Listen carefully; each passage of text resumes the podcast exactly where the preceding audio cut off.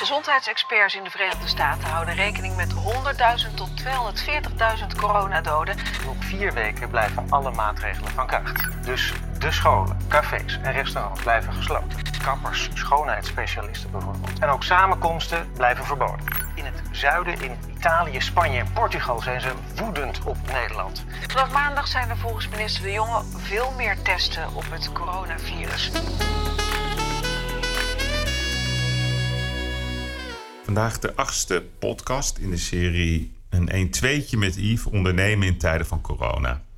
Ik ga zo meteen bellen met uh, Rochelle Petom.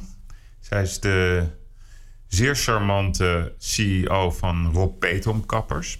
Maar voordat ik dat ga doen, kijk ik nog even terug op, uh, op het gesprek wat ik gisteren had met, uh, met Jan Lammers, de sportief directeur van de Dutch Grand Prix.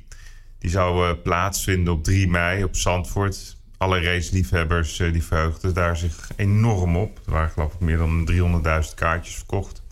Alleen, uh, ja, dat, dat gaat niet door. Ehm, daar heeft Jan Lammers, vond ik, erg relativerend, rustig en realistisch op gereageerd. Uh, dat deed hij in eerste instantie bij de NOS, bij, bij, bij Studio Sport. Maar ook gisteren in de podcast, heel professioneel. Um, heel sociaal ook. Van ja, weet je, dit, er zijn wel belangrijke dingen in het leven dan ons druk maken over uh, rondjes rijden op het circuit in Zandvoort. Ik had ook een beetje het vermoeden, maar dat is dan een heel persoonlijk vermoeden, dat hij het volgens mij best prettig zou vinden als de Grand Prix-organisatie zou beslissen om dit jaar gewoon helemaal af te schrijven en gewoon vooruitkijken naar vorig jaar. Dat geeft dan toch een vorm van duidelijkheid, maar dat kan hij natuurlijk niet uitspreken, want er zijn zulke grote belangen uh, gekoppeld aan het hele F1-circus. Dat geld vaak een factor is waardoor je enorm moet oppassen wat je wel en wat je niet kan zeggen. Um, ja, ik uh, moet je eerlijk zeggen, ik mis het wel een beetje dat geluid van, van, van de race monsters. Dus ik, uh, ik hoop wel zelf dat dat volgend jaar uh, ja, allemaal gaat plaatsvinden. En dat we kunnen gaan genieten van een enorme oranje zee. Met Max Verstappen als de centrale factor in het geheel. We weten het niet en uh, ik wens uiteraard Jan en, en het de hele team die er ongelooflijk hard voor heeft gewerkt heel veel succes. En ik ga nu bellen met uh, Rochelle Peetoom. Zij is uh, de dochter van Rob Peetoom. Ze komt uit een gezin van nog twee broers en haar zus Savannah. Die is verantwoordelijk voor de zaak in New York. Rochelle, toevalligerwijs vorig jaar aangetreden als CEO op 16 april. Dus eigenlijk had dit jaar uh, haar eerste gloriejaar moeten worden. Alleen is een hele donkere droom uh, terechtgekomen. Uh, nieuw, denk ik, voor haar. Een crisis als deze. Nieuw ook, denk ik, voor de kappersbranche. Ja, en ik ben benieuwd hoe, het gaat met, met haarzelf, maar ook met de zaak. En ook met de zaak in, in New York. En ook in Bali zitten ze ook. Hoe, hoe, hoe wordt er in Bali hierover gedacht? Dus ik ga nu even bellen met Rochelle.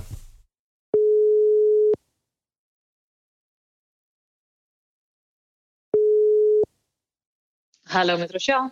Ja, Rochelle, je spreekt met Yves. Hallo, goedenavond. ja, het is al avond inderdaad. Ja, even een andere reden waarom ik je bel. Want vorig jaar was jij nog onze stralende ja, schoonheid. Coverstar. Ja, ik wil wel zeggen schoonheid. Ik denk niet dat we ooit zo'n mooi uh, dankjewel, gezicht dankjewel. hebben gehad. Ja, samen met je zus en met je vader. Ja, en vorig jaar een was hele ook mooie nog- jurk. In een hele mooie jurk, inderdaad. En ja, vorig jaar was ook het jaar, denk ik, voor jou heel bijzonder. Je werd eh, de CEO. Hè? Door je vader kreeg je het stokje op een groot feest eh, overhandigd. als de nieuwe CEO eh, van, van jullie mooie bedrijf. En nu Ja. dit. Ja, Hoe, hoe voel je je? hoe voel ik me? In, in, op, in principe best oké. Ehm, ik zeg ook vaak tegen mensen: dit is precies de soort werkzaamheden waar ik voor ben geboren. Dus dat is wel, dat is wel goed. Ehm, en ik denk dat je leeft vooral heel erg in het nu. Normaliter, zowel privé als zakelijk, eh, leef ik drie maanden vooruit. Maar nu, weet je, leef ik maximaal drie dagen vooruit. Eh, en dat is, dat is wel eh, hoe, het, hoe het er nu bij staat. En ik denk ook, ik kan het een beetje vergelijken ook met als ik op een hele lange business trip ga. En ik, en ik zit eh, 12 12 uur in een vliegtuig. Dan uh, zet ik mijn verstand op nul en dan ga ik gewoon, uh, weet je, je gaat niet lopen tellen hoe lang duurt het nog. En dat is in dit geval met deze corona-situation ook niet van hoe lang duurt het nog. We hebben allemaal geen idee. Dus je moet gewoon verstand op nul en, en door blijven gaan. Hmm. En zo voel ik me dus. Ja, en, en, en de, de omvang van jullie bedrijf, hoe groot is dat, de Rob Petom eh, keten? Ja, wij zijn uh, een, een, family business, gestart door mijn vader Rob Petom in uh, eh, 1969, dus 50 jaar geleden. We zijn voornamelijk een kappersorganisatie, gevestigd in Nederland. We hebben 11 salons in Nederland, drie salons in Bali en één in New York, dus in totaal 15. De hmm. meeste van onze salons zijn partnerships. Dus wij blijven merendeels eigenaars van het geheel. We zijn geen franchise-organisatie, dat denken sommige mensen. Dat vind ik fijner, want zo kunnen we de kwaliteit bewaken. Wij hebben wereldwijd uh, ongeveer 400 medewerkers. Uh, net ja, onder de uh, 20 miljoen omzet. Hmm. dat, dat is de winstmarge in een kappersorganisatie is is sowieso ja, niet de hoogste. Dus we, in principe groeien we ook organic, langzaam en gecontroleerd, zodat we de kwaliteit kunnen bewaken. Uh, en zodat we vooral groeien met ons eigen vermogen. En, ja, ja. Want wat, en dan komt een crisis. Ja. en dan wat voor winstmarges ongeveer zitten, zijn, is er in de kapsalons? ja, een, een, gezonde, echt een goede, sterke winstmarge zou maximaal op uh, 20 zitten. Maar je komt vaak ook wel dicht bij de 10. Uh, en in Amerika is het natuurlijk al helemaal anders, want daar is de kappersbranche uh, een beetje verpest, want je hebt heel veel commission structures. Uh, En daar zitten goede vrienden van ons, die hebben kapperszaken in Chicago en die zitten op twee, ja, tussen 2 en 4 procent winst. Dat is natuurlijk ja, ja, laag. dus je kan, Rob, mijn vader heeft ook altijd tegen mijn broers gezegd, je kan beter iets anders gaan doen, want in de, in de kapperswereld kan je niet echt veel geld verdienen. Maar uh, wat wij doen. Hebben ze wel naar geluisterd? Want jouw broers is Alexander en Roger, hè? Ja, eh, dus Roger heeft uh, Morgan Mees en uh, Republiek van Spit, Prudemer, allerlei horecazaken in Nederland. Oh, dat wist ik niet eens. Dat zijn mooie ja, zaken. Hè? Ja, super mooie zaken. Heel populair en dat gaat heel goed, behalve nu natuurlijk. Dat is een beetje ook een ramp voor hem. Jezus, ja. En hij had net natuurlijk zijn Republiek geopend een paar maanden terug, of een maand geleden of zo. En dat ging heel, heel goed, heel populair. Maar ja, nu meteen weer dicht na best een grote investering van een prachtige tent. Ja. En, uh, dus dat is ook lastig voor hem. En mijn andere broer Alexander, die uh, is wel partner bij ons in Amsterdam. Die runt twee van onze grootste, mooiste winkels. Hmm. Um, dus hij heeft niet naar pa geluisterd, maar hij heeft, hij heeft het wel naar zijn zin. Maar ja, was, en, dat nog, was dat nog een battle? Alexander of Rochelle, die zeg maar de CEO zou worden? Of ging dat automatisch? Nee, zeker geen battle. Het is natuurlijk, hij, uh, hij heeft een hele andere rol dan ik. Mijn zusje ook, Savannah, die is natuurlijk uh, partner en manager in New York. Ja. Uh, en hun zijn vooral veel aanwezig op de werkvloer. Dus hun zijn heel goed met de klanten, met de stylisten, echt de spirit van Ropetom op de werkvloer. En ik ben veel beter in de strategie, de visie en echt achter een bureau veel dingen uitwerken. En dat, dat is gewoon niet voor hun weggelegd en dat zouden ze ook niet willen. Ja, ja. Nee, dus, dus jouw vader heeft zeg maar gekeken wie is de meest strategische van de drie? Ja, het, soms, wat ik soms wel tegen mensen zeg is dat in plaats van dat het aan me is overgedragen, heb ik het zelf overgenomen. Zo, ja, uh, zo zie ik het. Mooi. En toen, toen kwam de. Ja, dus jij denkt: dit wordt een heel mooi jaar. Je bent CEO geworden, je hebt het allemaal voorbereid. het moment is daar en dan kom je in een crisis als dit terecht. Hoe, hoe, hoe, hoe heb je dat Ehm, wanneer kwam het moment dat je besefte dat je al je mensen naar huis moest sturen? Um, nou ja, sowieso zou ik zeggen dat sinds ik CEO ben geworden, ongeveer een jaar geleden, uh, hebben we echt veel, uh, ja, veel gedaan, veel bereikt ook. Het gehele managementteam is vernieuwd. Uh, veel nieuwe processen, nieuwe projecten, veel geïnvesteerd in marketinginitiatieven. Dus we hebben echt heel veel gedaan het afgelopen jaar. Ook de academie hebben we helemaal geherstructureerd, educatie helemaal vernieuwd. Dus we hebben echt uren gedraaid en we zijn daar heel trots op. En dit jaar begon ik en dacht ik van oké, New Year's resolutions. Het wordt denk ik, hoop ik, een jaar van balans. Want je zegt natuurlijk, je hoort vaak dat mensen zeggen, vooral als je in een uh, leadership positie zit, zit, dan zegt mensen van let wel op jezelf en zorg dat je rust krijgt en doe niet te veel uren. En ik dacht dit jaar, ja, mensen hebben gelijk. De, de, de uren die ik heb gedraaid de afgelopen paar jaar, dat is niet haalbaar om je hele leven te blijven doen. Uh, dat is ook niet leuk. Je moet ook een beetje van het leven kunnen genieten. Dus ik dacht, ik heb nu allerlei goede, sterke mensen op alle afdelingen. En dit jaar ga ik uh, echt mijn CEO-rol vullen zoals die hoort te zijn. In plaats van dat ik me uh, echt in het dagelijkse ga bemoeien met wat er in alle afdelingen gebeurt. En dan krijg je een crisis en dan, dan is alles weer helemaal vanaf het begin heel, ja, gewoon helemaal gereset, helemaal anders. Het hele jaar, voor de komende jaar of twee jaar, is alles uh, opnieuw ingedeeld.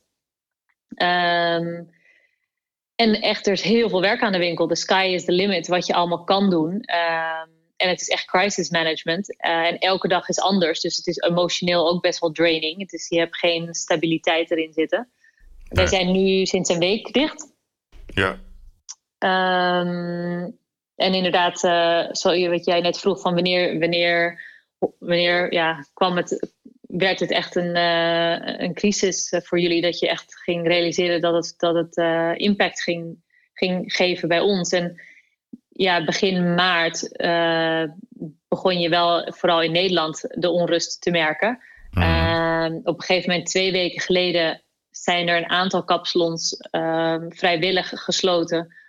vooral op advies van onze kappersbond ANCO omdat na de persconferentie van Rutte, eigenlijk voor, voor de persconferentie van Rutte, had de ANCO, onze kappersbond, had een advies uitgebracht voor de hele kappersbranche. En gezegd, weet je, als wij anderhalf meter afstand moeten houden van elkaar. En iedereen moet zoveel mogelijk thuis blijven en ga zo maar door. Ja, dat, dat gaat gewoon niet als kappersorganisatie. En, en kappers die kunnen gewoon geen afstand houden van hun klant. Dus in hoeverre is het dan mogelijk om nog open te blijven? Um, alleen hebben wij dat advies. Ik dacht op de maandag toen dat advies uitkwam dat wij ook dicht zouden gaan de dinsdag. Alleen toen kwam s'avonds de persconferentie van Rutte waar hij in zei dat we groepsimmuniteit moesten opbouwen. Um, dat de, het virus toch uh, moest gaan verspreiden. Um, en dat uh, ja, de, in principe de, de kappersbranche werd nog wel gezegd met de juiste hygiëne en voorzorgmaatregelen. Ja. Dat wij gewoon open zouden kunnen blijven. Ja, dat was een beetje verwar. Aan de ene kant, er was veel applaus voor die persconferentie. En het was heel presidentieel. Ja. Maar dat onderdeel van die groepsimmuniteit, dat heb ik zelf tot op de dag van vandaag niet helemaal precies begrepen. Maar nee. volgens, volgens mij meerdere met mij.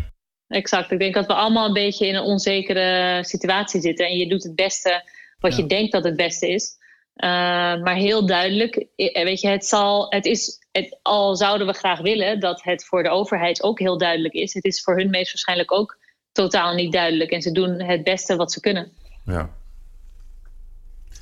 En, en toen, dus op het moment, dus jullie bleven nog open, um, maar dan komt er een moment dat jullie beslissen, we gaan nu dicht. Ja. Omdat ik me ook kan voorstellen dat je stylisten en je kappers misschien een beetje nerveus worden. Sommige klanten vinden het eng. Hoe ja. ging dat? Hoe heb je die, die beslissing kenbaar gemaakt? Ja, dus de eerste week um, sowieso heb ik zodra de persconferentie van Rutte over was, heb ik contact gehad, een videoconference call met al onze partners. Hmm. Uh, om te horen, want je, weet je, als je zo'n beslissing gaat maken, uh, moet je wel al je stakeholders ja, in uh, overweging hebben genomen. Dus zowel onze partners, ook onze stylisten en de klanten, wat hun er allemaal van vonden. Uh, tegelijkertijd heb ik andere collega's uit de branche gesproken. Slimme ondernemers die bijvoorbeeld, weet je, Kinky en Hizzy Hair aan het runnen zijn. Gekeken naar andere sectoren, zoals in de horeca en scholen. Wat, wat, wat gebeurt daar? ook kijken naar andere landen. in Italië, ik heb tien jaar in Spanje gewoond, daar, daar ben ik opgegroeid. Ik ken genoeg mensen daar, ook in de kappersbranche, maar ook in, in de US hebben we genoeg vrienden om te kijken van wat gebeurt er bij jullie en wat zijn de stappen die jullie aan het ondernemen zijn. Mm. En, dan, en dan met al die dingen op zak ga je dan een beslissing maken gebaseerd op, op kennis en niet op gevoel. Ja. Um, alleen het lastige is wel dat inderdaad niet al je partners uh, staan dan, uh, they don't all agree with you. Niet, niet al je partners staan aan jouw kant van de beslissing, maar de mm. meeste wel. Uh, en, en inderdaad, wat jij zegt, de stylisten die staan als je beslist om open te blijven, dan staan die zeer zeker met een dubbel gevoel op de werkvloer. Ja, natuurlijk. Um, en dat is best lastig om, om te managen. Maar goed, hoe heb je die beslissing toen kenbaar gemaakt? Hoe doe je dat, zoiets? Ja, wat wij, wij hebben een, uh, een hele actieve community intern op uh, Instagram. Ja, ja dus een, soort uh, WhatsApp-groep voor, maar dan op Instagram. Ja, exact. Het is een gesloten ja. account waar al onze ja. medewerkers, en we hebben veel jonge medewerkers, dus die hebben allemaal Instagram en die volgen ons. En het werkt wel omdat het eigenlijk een beetje hetzelfde als ik denk wat wij in Nederland hebben. We zitten allemaal te wachten op de persconferentie van Rutte, morgen bijvoorbeeld. Uh, en hetzelfde gebeurt bij ons op Instagram nu. Is dat moet alle wel medewerkers... Bij zeggen, ik moet wel bij zeggen dat wij, wij dit gesprek eigenlijk opnemen net voor de persconferentie van, van Rutte. Oh, really? Dus, ja, ja, ja, ja, dat, dat is natuurlijk wel waar. Dus we moeten maar speculeren wat er gaat gebeuren. Maar ik denk dat hij gewoon gaat zeggen dat de maatregelen de maatregelen blijven. En de enige vraag is of het wordt verlengd met twee weken of een maand. Dat denk ik hoor, maar goed. Ja, Dat, eh, ja, dat- dat is moeilijk om te speculeren. Wij, weet je, dat, klopt. wij proberen ook inderdaad beslissingen te maken. Wat denk je dat er gaat gebeuren? Maar ja, dat, dat weet je gewoon niet. Dus dat is ook wat wij zijn nu tot op, ja, tot op vandaag. Eh, wordt er nog gezegd dat wij 6 april weer open gaan. Ja. Over een week. Ja. Het lijkt me stug, inderdaad. Maar dat betekent niet, eh, dat is weer op gevoel, kan je niet gaan, eh, ja, een plan gaan maken. Je Nee. moet ready zijn voor het geval dat er misschien een 360 degrees turn komt en je moet toch open die 6 april. Je moet Ja. daar wel ready voor zijn en niet gaan denken van, oh, we hebben nog een maand of twee, weet je. Ja, genoeg- nee, je moet continu, tijd om, eh, continu ready zijn. Ja, nee, dat is Ja. ja. buitengewoon moeilijk. Kijk, Ja. en, en jij hebt wel, want, want ik ken ook genoeg kapperszaken waar, waar, waar zeg maar kappers op ZCP-basis werken. Maar bij jou zijn ze Ja. allemaal in dienst. Ja, exact. Ja, en Dus daardoor is het wel wat Nederland, eh, rustiger, waarschijnlijk ook bij die mensen. Dat ze toch nog hun Zeker. baan eh, kunnen behouden op, op de een of andere manier. Zeker, ja, zeker. En dat hebben wij echt eh, dagelijks. Heb ik video, eh, zeg maar, stories opgenomen op Instagram. Om aan alle medewerkers uit te leggen welke subsidies eh, waar we mee bezig zijn. Waar we eh, wel of niet in aanmerking mee komen. Wat dat betekent voor hun. Eh, en ik heb heel veel privé ja, e-mailtjes gekregen van stylisten die ons bedankten als management zijnde voor het zo transparant en, en ja, open communiceren van wat er gaande was en waar wij mee bezig waren. En dat is wel fijn voor hun, want inderdaad, hun zitten nu thuis. Maar wel, wat ik eh, ook mooi vind, is dat veel stylisten eh, constant zeggen dat ze eigenlijk niet thuis willen zitten. Ze houden van hun vak en ze willen zo snel mogelijk weer aan het werk. Ehm, en, en daardoor zie je wel dat, dat ze ook eh, eh, juist mee willen helpen, mee willen denken in, in van alles en nog wat. Ja, nee, maar dat doe, ik denk dat je dat goed doet door, door, door zo, zo transparant te communiceren en precies ook te vertellen wat er gaande is. Ja. Dat, dat geeft toch een bepaald groepsgevoel. Ja. En op het moment dat jullie dicht zijn gegaan, hè, betekent dat dan voor jullie ook 100% omzetverlies? Of heb je nog een, een online eh, eh, winkel waar je shampoo kan bestellen?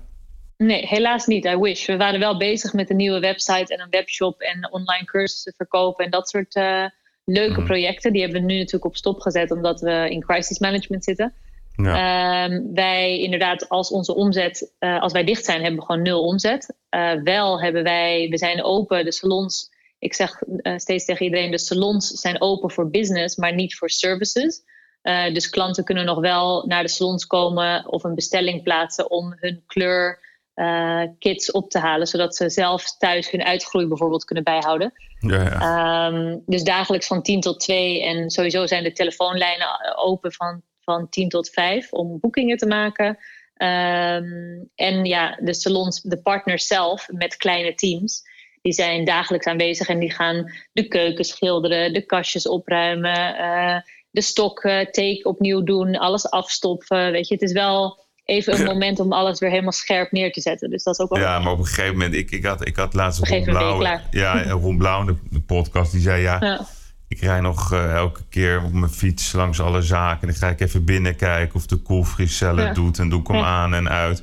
Maar ja, op een gegeven moment zegt Niks veranderd. ja, heb ik dat natuurlijk ook wel gehad. Hè. Dus dat, Ja. is, ik, dat is ook wel dat, dat ondernemen. Je bent zo trots ook op je zaak. Je, je wil het eigenlijk ook niet geloven dat het allemaal gaande is. Ja. Hey, en, eh, dus, dus feitelijk ehm, zou normaal gesproken... eh, krijg je dan 90% vergoed van je personeelskosten ja, omdat je 100% omzetverlies hebt. Ja, exact. Ja, ja. ja. Dus dat, dat, dat geeft in ieder geval een beetje rust. Want hoe lang zouden jullie dit kunnen uithouden. Zonder dat je, zeg maar, je, je, je liquiditeiten dusdanig worden aangetast. dat je gewoon uh, de banken of andere kanalen moet gaan inschakelen. Hoe lang je ja, het wij, volhouden? ehm, wij zijn best een, een gezond bedrijf. Wij maken echt eh, eh, ja, goede omzet en daar kunnen wij heel trots op zijn. Alleen, ehm, ja, de huur blijft natuurlijk gaan en de kosten blijven natuurlijk lopen. Al word je tegemoet gekomen in je, in je salariskosten.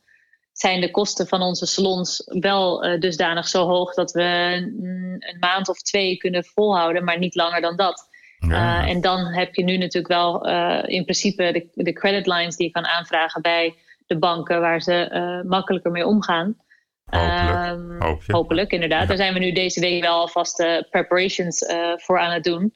Mhm. En we hebben het afgelopen jaar natuurlijk best wel veel geïnvesteerd in onze marketing, merknaam, Celebration 50 jaar bestaan. Dus de buffer die we normaliter hebben is nu net even iets minder cushiony dan normaal. Ja. Um, dus uh, we komen hier zeer zeker doorheen. Want wat je wel merkt, en dat, dat, is, dat is ook wel weer de mentaliteit van mijn vader, die staat hier positief in. Um, die zegt sowieso dat in 2008, toen de financial crisis er was, dat de kapperszaken, al is het de kappersbranche, al is het geen primaire behoefte voor, voor de mens, uh, gaan, gaan mensen toch andere keuzes maken, zoals minder uit eten, minder shoppen, minder op vakantie. Maar ze gaan toch naar de kapper. En dat is wel uh, iets bijzonders. En daardoor weet ik in ieder geval uit, uit, uh, uit de history dat als er een crisis is of komt, dan komen wij, zodra we weer open mogen, er uh, gezond doorheen. Ja, dus maar is... dat is ook gezellig en Ja. ook weer een beetje Ja. sociaal contact. Ja, En je krijgt tenminste nog wat te horen bij de kapper. ja, exact. Dus dat, dat, daar, gaan, daar varen wij op, op verder. Ja. We hopen gewoon dat we zo snel mogelijk weer open kunnen. En ik denk en ik hoop dat de, dat de overheid wel in overweging neemt het feit dat uh, al zouden wij weken dicht zijn, dan gaan klanten toch vragen of stylisten via, via bij hun thuis kunnen komen knippen. En dat is minder hygiënisch uh, en controleerbaar dan dat je je haar laat knippen of kleuren in een kapsalon. Ja, want ik denk dat je dat niet kan tegenhouden. Volgens mij gebeurt het zelfs al dat, uh, ja, dat men toch de weg weet te vinden naar de kapser. Dat je zegt, kom maar lekker bij me thuis, want uh, ja. ik ben hartstikke gezond. Ja, ja, maar je merkt wel dat stylisten juist bij ons aankomen van wat moet ik tegen deze klant Ja. zeggen, want Ja, ik vind het eigenlijk niet fijn. Ze willen, uh, weet je, het is, we hebben nu niet te maken gewoon met een normale crisis, maar met een virus die zich verspreidt. En mensen hebben helemaal geen zin om bij, iemand- bij een stranger thuis te gaan Precies. knippen, want wie, wie weet is wie, wie daar is geweest. En of ze wel of niet al hun deurknoppen hebben schoongemaakt. Nee, exact. Want wat, wat is jullie beleid? Ik- Stel nou voor, eh, je allerbeste klant die belt en die zegt... Rochelle, kom op, ik moet echt even geknipt worden. Het kan niet langer. Mag ik niet even na zessen komen? Doe je het licht uit en...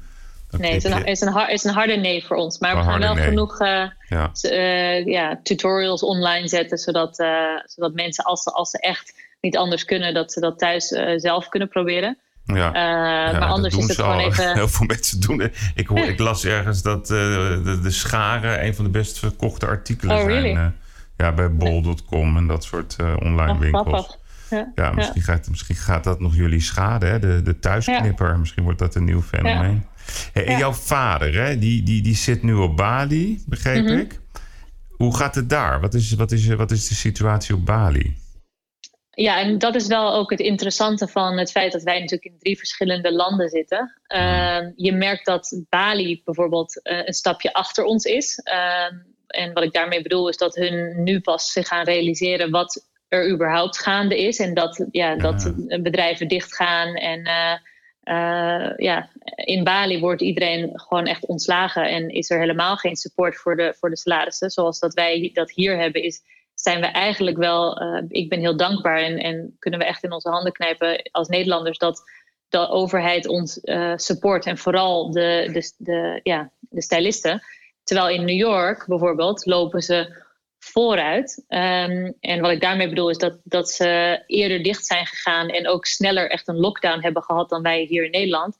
Maar ook daar geldt dat de medewerkers, um, uh, yeah, they got fired and they are, they are trying to get unemployment benefits. Maar de overheid komt niet de organisaties tegemoet. En dat Ja. is wel, uh, wel echt, echt, echt heel lastig. Dus gelukkig hebben wij merendeels van ons business in Nederland. En kunnen we hopelijk ook New York en Bali daar, daaruit vanuit supporten. Ehm, maar het wordt niet makkelijk wereldwijd voor de kappersbranche. Nee, nee. Want jouw zus Savannah, die, die, die runt New York. Hè? Die, Ja. hoe, die, hoe groot is jullie zaak in New York? De winkel daar is eh, een van onze grootste flagship stores, 400 vierkante meter. Eh, Ja, dat alleen het is natuurlijk wel echt een, eh, een, een start-up. Dus de, het team is de helft van de maand van een van onze grote salons hier. Dus je hebt wel minder medewerkers, want je bent nog steeds echt in een start-up phase, building the brand in de US en brand awareness. Hmm. Maar, eh, maar alsnog, ja, het, is, eh, het gaat niet makkelijk worden voor, eh, voor in ieder geval voor de New York en de Bali locaties. Want bijvoorbeeld in New York, hè, eh, wat, wat verschil tussen wat kost knippen in Nederland voor een man en wat kost het mij als ik je me laat knippen bij jou in New York? Ja, voor een man is, beginnen we hier ongeveer op eh 39,40 is de instapprijs. Ehm, en in New York is dat wel het dubbele. Maar dan eh, ja, zeg maar eh, iets minder dan dubbele. 70 eh, dollar, 80 dollar. Maar de shampoo is hetzelfde. Ja, de shampoo, de shampoo, de shampoo is hetzelfde inderdaad. Ja, het is gewoon duurder. Hey, en, en als je kijkt naar de situatie in New York, hè, ehm, ik lees daar veel over, best wel paniekberichten in, in de Nederlandse media, ook op tv. Het Ja. beangstigt me eigenlijk wel een beetje wat ik daarover lees. Eh, jij, Ja. jij hebt, neem ik aan, iedere dag contact met Savannah. Ja, zeker. Savannah, Ja. die, eh, we- onze salon is natuurlijk gevestigd in Brooklyn. Williamsburg, wat eh, echt een hele leuke en veilige buurt ook is. Hele artistieke buurt. Ja. Savannah, die, eh, die zit nu al sinds een week of twee zit ze boven in North Upstate, New York, in een, een huis van vrienden. Mhm. Ehm, maar ze is wel even teruggegaan naar de salon om even te checken. En ze zegt: Wow, Rochelle, it's insane. Like hoe, hoe uitgestorven de straten zijn. En dat je een soort van groepjes van misschien bendes of, of gangs. Ik weet niet, niet of je het zo mag noemen. Maar Ja, dat je wel ja. ja, eh, mm, ja, groepen mensen op straat ziet eh, samenkomen die je normaliter niet daar zou zien. Ehm, eh, Ja. En je hebt natuurlijk ook ge- gezien of ge- gelezen eh, over de US dat mensen niet alleen toilet paper als gekken aan het inkopen waren, maar ook guns. Ja. Ehm, dus ja, de, de, ge- de gevolgen van dit crisis, ik weet niet of het alleen financieel is of, of ook eh, een beetje gevaarlijk gaat worden. I don't know.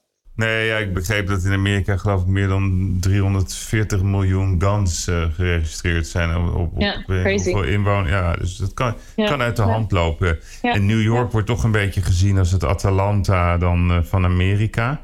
Ehm, is er paniek daar hè? In, in, in, de famous Big Apple? M- Merkt ze dat? Dat mensen toch wel een beetje aan het panikeren zijn? Vergelijkbaar met eh 9-11? Nou, ik denk niet vergelijkbaar met 9-11. eh, maar mensen zijn nu nog wel allemaal rustig thuis. En eh, ehm, ja, ze houden zich zeg maar aan de regels. Savannah heeft ook een, een vriend van haar, Philip, die is dokter in een van de big hospitals. En hij zegt wel, maar dat hoor je natuurlijk zowel in Italië als in Nederland, dat het wel, eh, ja, it, looks like a, a- horror movie. Ja. Ehm, en het loopt daar wel iets meer uit de hand dan dat het hier eh, op dit moment is. Ja, ja. En, en, en want de- de- daar heb je als burgemeester Cuomo, eh, die Ja. zie ik op tv, eh, die spreekt elke dag de New Yorkers toe. Op zijn Amerikaans en weet je, straight strong en een beetje een soort Ja. motivation speeches. Ehm, hoe, wordt, hoe, hoe zien ze hem, die, die, die, die Cuomo?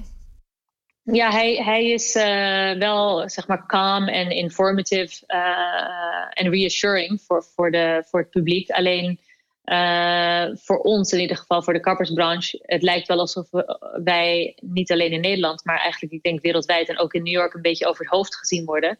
Ehm, en dat is natuurlijk niet reassuring voor ons, want ja, je, je Wat, maakt wat bedoel je beslissingen. daarmee? Dat je, zeg maar, dat je over het hoofd wordt gezien? Ja, dat, dat er dus geen subsidies of überhaupt uitspraken gedaan worden voor onze branche. Wat, wat Hmm. voor een eh, tegemoetkoming wij zouden kunnen krijgen voor, voor salarissen of, of wat dan ook. In Amerika Eh, bedoel je? In Amerika, ja. Ja, Dus, ja, ja. En dat was in Nederland was dat voor één week ook hetzelfde hier eh, in Nederland. Daarom zijn wij dus niet dicht gegaan, want we waren, er was geen, eh, ja, we were not assured de, de, de subsidies die je, eh, ja, die je zou willen krijgen, bij, wijze van spreken. Na een week, dus de laatste persconferentie, werd er wel echt duidelijk gezegd: de kapsalons van Nederland gaan ook dicht. Ja. En, en de subsidies werden daar inderdaad ook op uitgesproken, hoe of wat. Maar de eerste week niet. En, en in die fase zitten ze in de US nog steeds. Wij hebben vrienden in Chicago die hebben ja, echt een, een miljoenenbedrijf. tien keer zo groot als die van ons wat betreft kapperszaken en, en, en hair schools. Uh, en hun, ik was met hun aan het bellen, want we leren natuurlijk allemaal van elkaar. En hun zeggen ook, weet je, Rochelle, I don't know if we're going to survive this. It's, it's, uh, it's a bad one. Ja, hè? So, ja. Heftig, dus wel, uh, wel echt heel dramatisch. Ja. ja. Hey, en, en als je dan kijkt naar de Nederlandse branche, van hoe groot is dat eigenlijk, die hele kappersindustrie? Heb jij daar cijfers Oeh, van? Ik, ik heb daar wel cijfers van gezien vorige week, want we hebben natuurlijk met Kappers United hebben we een manifest uh, opgezet. Waardoor we uiteindelijk wel hebben besloten om uh, te sluiten. Al had de overheid dat nog niet aangekondigd vorige week hmm. maandag. Uh, dus we zijn wel ja, met z'n velen, maar het exacte nummer weet ik niet uit mijn hoofd. Nee, nee. Um, maar gelukkig hebben we wel echt hele goede, inspirerende ondernemers waar ik uh, nauw contact mee heb. Waardoor we gezamenlijk beslissingen maken voor de branche. Ja, het beste ook, ehm, denk ik. En dat is echt het beste. Nu, je bent nu totaal geen competitor van elkaar. Je bent gewoon, uh, je staat elkaar juist bij en je gaat gezamenlijk stappen maken wat uh, beter is voor de branche in het algeheel. Ja, zoals het ook eigenlijk zou moeten. Hè? Ja. Hey, en, en, en als jij kijkt naar, naar het optreden van, van, van onze minister-president en het kabinet en de maatregelen, hoe kijk je daarna? Ja, ik vind persoonlijk uh, het wel fijn. Ik denk dat Rutte ook inderdaad de, de rust uh, bewaakt in Nederland. Uh, ik vind dat ze de stappen ja, mooi opbouwen, zodat het niet allemaal uit de hand loopt. En ik, en ik heb ook respect voor het feit, en dat, ik denk dat dat ook te maken heeft met hoe nuchter wij in Nederland zijn. En dat we wel voor elkaar zorgen um, en dat we het ook serieus nemen. Dat, dat, dat de overheid wel zegt van, weet je, het is aan jullie dat je, dat je aan de regels houdt en dat je probeert anderhalf meter afstand te houden en zoveel mogelijk thuis te zijn. En als we dat kunnen doen, dan hoeven we niet een lockdown. Want niemand zit te wachten op een lockdown. Zo, weet je, ik, Zoals in Spanje bijvoorbeeld. Ja, exact. Mijn schoonmoeder die zit in Barcelona al twee weken op slot. En dat moet ze, ze moet dat nog twee weken volhouden. En ja, daar word je echt niet blij van. Nee, nee zeker in Spanje niet. Hè? Want er zijn, er zijn ook die huizen anders volgens mij. Ja, inderdaad. In Nederland vinden we het in principe wel fijn als mensen langslopen en je, je huiskamer binnen kunnen kijken en veel licht en dat soort dingen. Maar in Spanje zijn ze meer van alle, alle gordijntjes dicht, alle luiken dicht. Uh, en, en ze zijn gewend juist om gezellige familie over de vloer te hebben, een glaasje wijn, een tapaatje, weet je, heel hele gezellige ja, cultuur hebben ze. Maar nu is dat gewoon totaal uitgestorven. En ja, ik denk wel dat veel mensen, uh, niet alleen in Spanje, maar wereldwijd, ja, echt wel te maken gaan krijgen met ja, een, een soort van onrustgevoel in hun eigen zijn. En dus, ik weet niet of je het echt depressie wil gaan noemen, maar ehm, het gaat niet makkelijk worden. Nee, nee. Hey, en, en, en als je kijkt naar zeg maar, de, de rol van jouw vader. Want hoe oud is je mhm. vader, als ik het vragen mag? 75. 75, jaar jong. Ja, en die is nog gewoon aan het werken in, eh, in, eh, in Bali. Ja. Heb jij elke dag contact met hem? Ja, zeker. Elke dag contact met hem. En wat zijn de ehm, lessen die hij jou nu meegeeft? Nou, het fijnste wat hij uh, zegt, hij uh, compares het natuurlijk naar de, de crisis van 2008. En hij zegt, wij komen hier gewoon gezond doorheen. En um, op dit moment, wat ik juist merk, is omdat hij heeft natuurlijk genoeg ervaring in zijn rugzak. En hij heeft al mijn hele leven allerlei lessen geleerd. Dus nu ben ik juist aan het functioneren op de manier dat, dat hij me dat heeft geleerd. En ik heb op kantoor echt een heel sterk team zitten wat betreft finance, HR, marketing, communicatie. Uh, en gezamenlijk zijn we dit crisis management aan het doen. En wij informeren hem. Eh, ik, in een informele manier bel ik hem s'avonds of s ochtends en informeer ik hem van onze volgende stappen. En hoe goed we bezig zijn met het informeren van zowel onze partners als al onze uh, 400 employees. Hmm. En tot op heden heeft, heeft, hij, uh, heeft hij daar niet zo heel veel uh, opmerkingen op gehad. Hij vindt het, dat we het heel goed onder controle hebben en hij heeft er alle vertrouwen in. En daar krijg ik dan weer energie en passie van om, om morgen weer mijn best te doen. Ja, en hij is ook realist, hè? want hij, hij is ook iemand die ooit met eigenlijk niks is begonnen. Exact, ja. hij zegt zelf altijd Weet je, ik heb een schaar, dus al, al gaat het allemaal uh, uh, ja, failliet, dan heb ik nog steeds mijn schaar, kan ik nog steeds mijn brood verdienen. Ja, mooi. Dus, Ja. Dat, dat zijn de echte ondernemers. Helaas kan, ik niet, helaas kan ik niet knippen, dus ik moet dan iets anders gaan verzinnen. Nee, kan jij dat niet? Nee, is niet de hele Nee. familie. Nee. Nee. Nou ja, ik hoorde Maar wel trouwens dat jij heel goed kan zingen. Klopt dat? Ja, goed is natuurlijk weer de vraag, want ik laat het niet vaak aan mensen horen. Maar ik, eh, ik geniet er wel van en ik heb vroeger wel eh, eh, ja, musicals en dat soort dingen gedaan. Ik, ik denk dat ik best een mooie stem heb, maar dat is niet per se iets wat ik op podium wil gaan laten zien.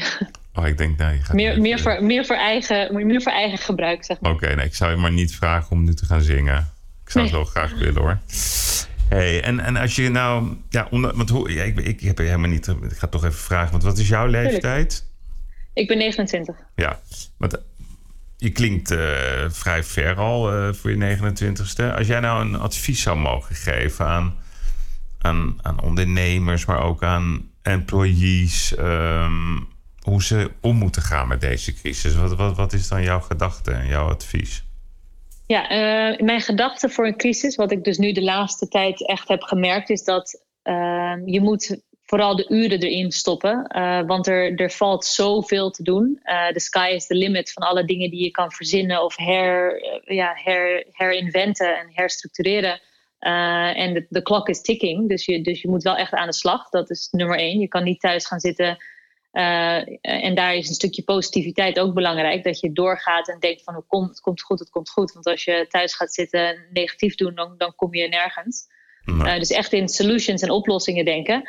Maar ik denk dat ook mijn advies is dat een, een oplossing gebaseerd op je eigen emotie is, is, eh, is niet de juiste weg. Juist op kennis. En die kennis kan je uitbreiden door middel van goede mensen in je team te hebben. En zoals ik al zei, ik heb echt hele goede mensen op alle afdelingen zitten. Dus we hebben dagelijks, normaliter één keer in de twee weken, maar nu hebben we dagelijks een eh, management, top management update, eh, crisis management. ja. En dan designen we de volgende stappen voor vandaag en morgen. Ja. Ehm, en ik denk het allerbelangrijkste, en dat is wat, wat ik al zei over mijn vader, weet je, veel ondernemers, eh, they started with nothing and they can do that again. So Ja. don't be scared of falling and just believe in, in how you started in the first place en dan kom je er wel wel. ja, dus niet bang zijn om te vallen, want opstaan is, opstaan is net zo leuk. Exact. Hey, en ehm, ja, wat, ik, wou, je- ik wou je nog iets vragen en dat ontschiet me nu eigenlijk. Heb, heb, Eh, je, heb, jij, eh, heb jij al het eh, zakelijke vaccin gevonden tegen het corona? Of, eh? Nou, wat, ik wel, wat mij wel opvalt, ehm, en dat is wel een beetje de rode draad, en dat vind ik eigenlijk wel een heel goed verhaal, is dat zowel de, de oldies, zeg maar, hè, die alle crisis hebben meegemaakt en, en hele ketens hebben en echt eh, gehard zijn in alle vormen van de samenleving, tot ik zie jou dan even als de new kid in town. Eh, Mhm. Ik hoop dat je dat eh, met permissie eh, Tuurlijk, hartstikke leuk. ja. Ehm, rustig blijven. Ja. Gewoon je ratio blijven gebruiken. Dat is wel iets wat ik bij iedereen terughoor. Gewoon niet Ja. emotioneel worden. Solidair zijn. Maar ook positief blijven. Dus wat, het voorbeeld wat je net gaf van je vader. ik heb toch nog altijd mijn schaar. Ja, dat merk ik wel bij, bij, bij veel ondernemers die ook met niks begonnen zijn en echt enorme companies Ja. hebben opgebouwd. Ja, oké, als je valt, nou, dan is dat maar zo. Je kan altijd weer Ja. opstaan. Dus Ik Ja, denk dat- ze het stiekem ook wel een beetje leuk vinden. Tuurlijk is het vreselijk wat er gebeurt met veel mensen en de hele economie. Maar de werkzaamheden die erbij komen, is wel waar, nee, waar ze inderdaad. eh, het is, het is ook echt, het is, absoluut. Het is ook spannend. Eh, alleen als het je liquiditeiten aan. Je vertelde net het verhaal van je broer, hè, dat hij die hele Mm. nieuwe zaak heeft begonnen. Stel nou voor dat dat je enige ding is. ja, En je hebt je tot in de schulden, tot met je nek in de schulden gestoken bij de bank. Nou, geloof mij, dan, dan, dan vind je dit niet leuk hoor. Dan, Nee, nee, nee, dan, vreselijk. Dan, dan word je echt helemaal knettergek. Dus, maar goed, eh, ik ben ook wel, eh, wel redelijk positief. Ik, ik zelf heb wel een gevoel, ik wil heel graag duidelijkheid van, eh, van de overheid. En voor mij mag Ja. het ook lange duidelijkheid zijn. En dan kan je in ieder Ja. geval weer gaan schakelen en weer Ja. Ja, gaan rebuilden, om het zo maar te noemen. ja, dat is ook zo. Nou, ik, eh, ik hoop je weer eens op een eh, gezelliger moment te spreken. Ja, ik ook. Ik vond dit ook best gezellig hoor. Ja, nee, zo is het zo. En eh, ik hoop, ehm, ik hoop dat, het- dat jullie er ook snel weer uitkomen. En ik had, oh ja, nu weet ik het weer. Ik zat dus net te denken, wat wou ik je nou vragen? Wat Vertel. denk jij dat er nog gaat veranderen in jullie branche? Ik denk dat niet alleen voor onze eigen branche, maar ook veel andere branches. Wat je ziet is dat uh, de laatste paar jaar er heel veel freelancers zijn gekomen. Ja. En wat ik, wat ik daarmee de bedoel. ZZP'ers, hè? Dus ja, in ja, Nederland hebben we er al 1,3 miljoen. Ja, ja, en ook je hebt natuurlijk veel in de fashion-industrie heb je veel uh, influencers. influencers. En uh, die reizen de hele wereld rond en alles kan en alles mag en alles moet. Ja. en ik weet niet of dat het beste voorbeeld is voor, voor de jongere generatie. Want die vinden gewoon een, een office job zoals die van mij. Vinden ze saai. en dat is niet waar ze naar aspireren. Ze aspireren juist om alles gratis te kunnen krijgen en de wereld te kunnen rondreizen. Ik denk dat daar best wel een grote verandering in gaat komen. Dat vooral de, de, ja, de lower level, zeg maar de, de kleine spelers vanuit de, de ZZP'ers, dat die gewoon een normale baan moeten gaan vinden. En dat is dan weer gewoon een reality check voor iedereen. Ik denk dat dat ook wel weer goed is. Ja, dat, dat is zeker. Dat is niet ongezond. Want ik bedoel, als je kijkt naar, zeg maar, dat is dan de millennials. Ja. die denken echt dat alles maar kan en mogelijk is. En ja, je gunt het niemand, maar soms is een crisis ook wel weer goed. Ja, ja it, it, has its, it, it has its silver lining and its opportunities if you look for them. Heel goed. Oké, nou, heel veel succes. en, ja, blijf gezond. Ja, dat, gaan we doen, dat doen we zeker. Ja, ik, eh, ik zou jou eerlijk zeggen, ik denk dus ik was uh, ruim een maand geleden ongelooflijk ziek geworden na een bezoek aan Ajax tegen Getafe. Oh, jij was gewoon case zero in Nederland. Nee, toen was het al. Oh, toen was het al. Gelukkig, nee, nee oh, dat wil je niet zijn, case zero. Nee. Maar ik ben vier dagen zo onwaarschijnlijk ziek geweest. Alleen ik had geen keelpijn en ik had niet echt hele specifieke longproblemen. Alleen ik had nog nooit 39,8 graden. Wow. ja, Wauw, ja. En, en, pijn ook overal. Dus ja.